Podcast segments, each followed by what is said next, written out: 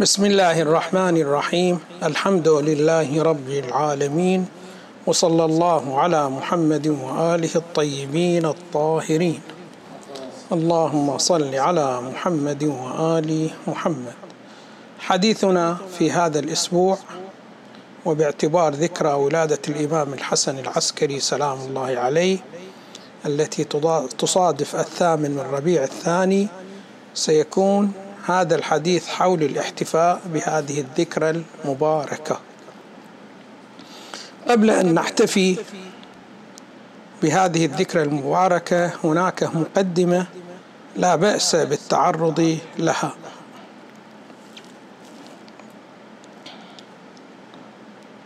هناك الكثير من النعم التي أنعم الله على عباده بها وهي نعم جدا عظيمة. للأسف الشديد هي مغفول عنها وغير ملتفت إليها.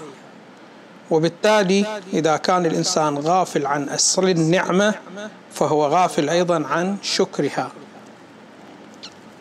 لذا من أهم مفردات العبادة في الشريعة الإسلامية هي وظيفة من الوظائف التي هي للأسف الشديد مغفول عنها.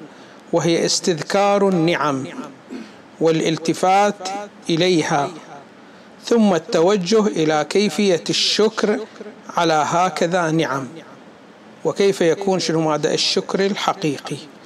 وذلك لنتخلص من الشكوى الإلهية التي يقول الله سبحانه وتعالى في القرآن بلحاظها وقليل من عبادي الشكور. فعلينا أن نستذكر النعم ونتوجه إلى النعم التي أنعم الله سبحانه وتعالى علينا بها.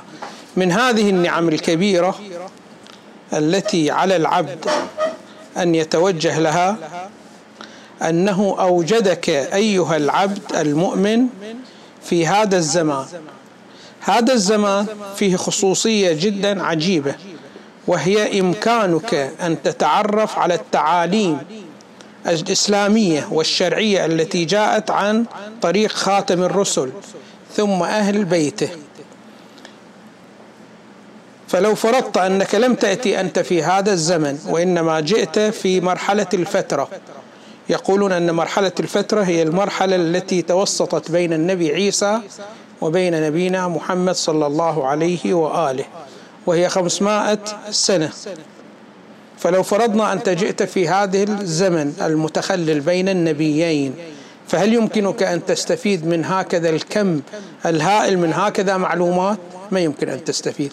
الله سبحانه وتعالى لم يأتي بك في ذلك الزمن وإنما جاءك جاء بك في هكذا زمن الذي يمكنك الاستفادة من هكذا معلومات. إذا هناك نعمة نحن نعايشها.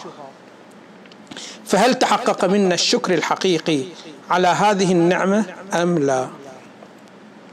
كيف يتحقق الشكر الحقيقي على هذه النعمة؟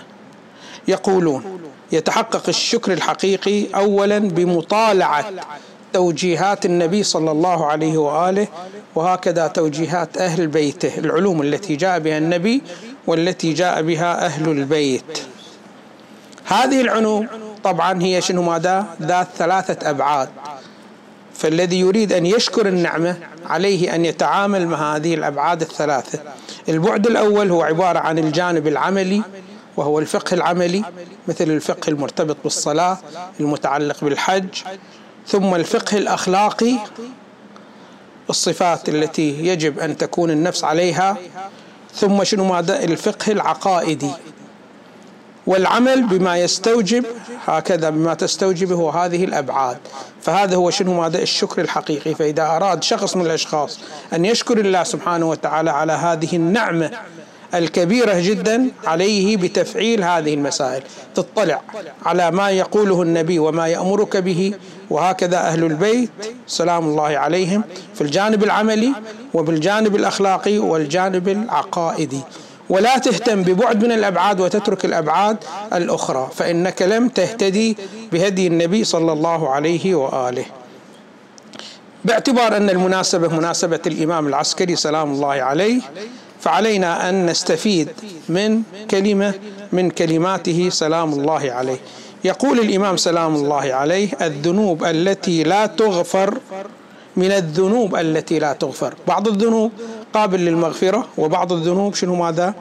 لا تغفر. المشكلة بأنه بعض الأحيان قد يكون ذنب لا يغفر ونحن نبتلي به ونستسهله. نعتبره ذنب جدا سهل وليس له قيمة.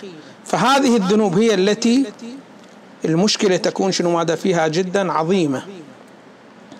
من الذنوب يقول الإمام سلام الله عليه من الذنوب التي لا تغفر. ليتني يعني قولك ليتني لا أؤاخذ إلا بهذا. بعض الأحيان الإنسان يأتي شنو ماذا بذنب؟ فإذا عوتب يقول ليتني لا أؤاخذ يوم القيامة إلا بهكذا ذنب. هذا معناه أنه يستصغر هكذا شنو ماذا ذنب. يقول الإمام سلام الله عليه هذا من الذنوب قولك هكذا هذا من الذنوب التي لا تغفر. لماذا لا تغفر؟ مع أنه قول فقط. ما في سلوك عملي ولا شيء. بعض الأحيان بعض الأقوال وبعض الاعتقادات هي أخطر جدا بكثير من السلوكات العملية. لماذا؟ إلا أنها قد تكون أساس لكثير من الانحرافات في الجانب العملي. خب واضح أن الذي يقول هكذا عبارة معناه أنه يعتقد بانقسام الذنوب إلى نحوين. قسم يمكنه تحمل العذاب عليه وقسم آخر يصعب عليه التحمل. فالذي يسهل عليه تحمله ما عنده شنو ماذا أي مشكلة. ليتني لم أؤاخذ يوم القيامة إلا بهكذا ذن. يعني يكون جدا شنو ماذا؟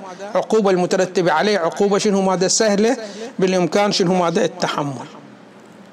نقول له شنو ماذا؟ الخطورة أن هذا الاعتقاد بأنه بإمكانك التحمل راح يأخذك إلى المداومة على هكذا ذنب أنت إذا تعتقد الآن بأنه هكذا ذنب جدا شنو ماذا سهل تحمل العقوبة عليه فما راح يدعوك شيء إلى شنو ماذا؟ إلى ترك هذا الذنب فراح شنو ماذا؟ تداوم عليه وتصر عليه.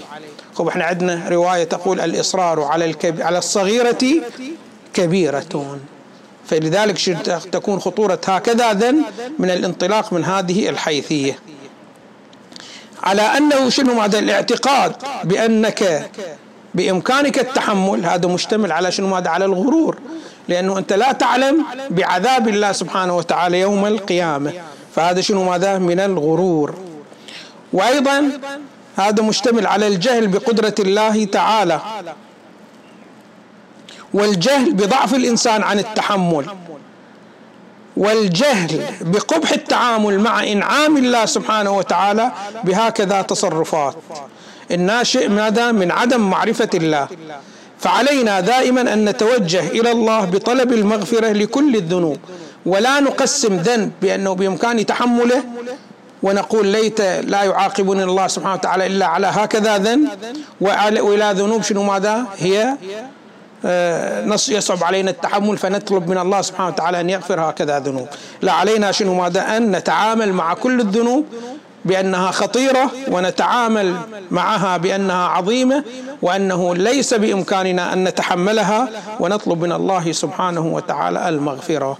والحمد لله رب العالمين وصلى الله على محمد وآله الطيبين.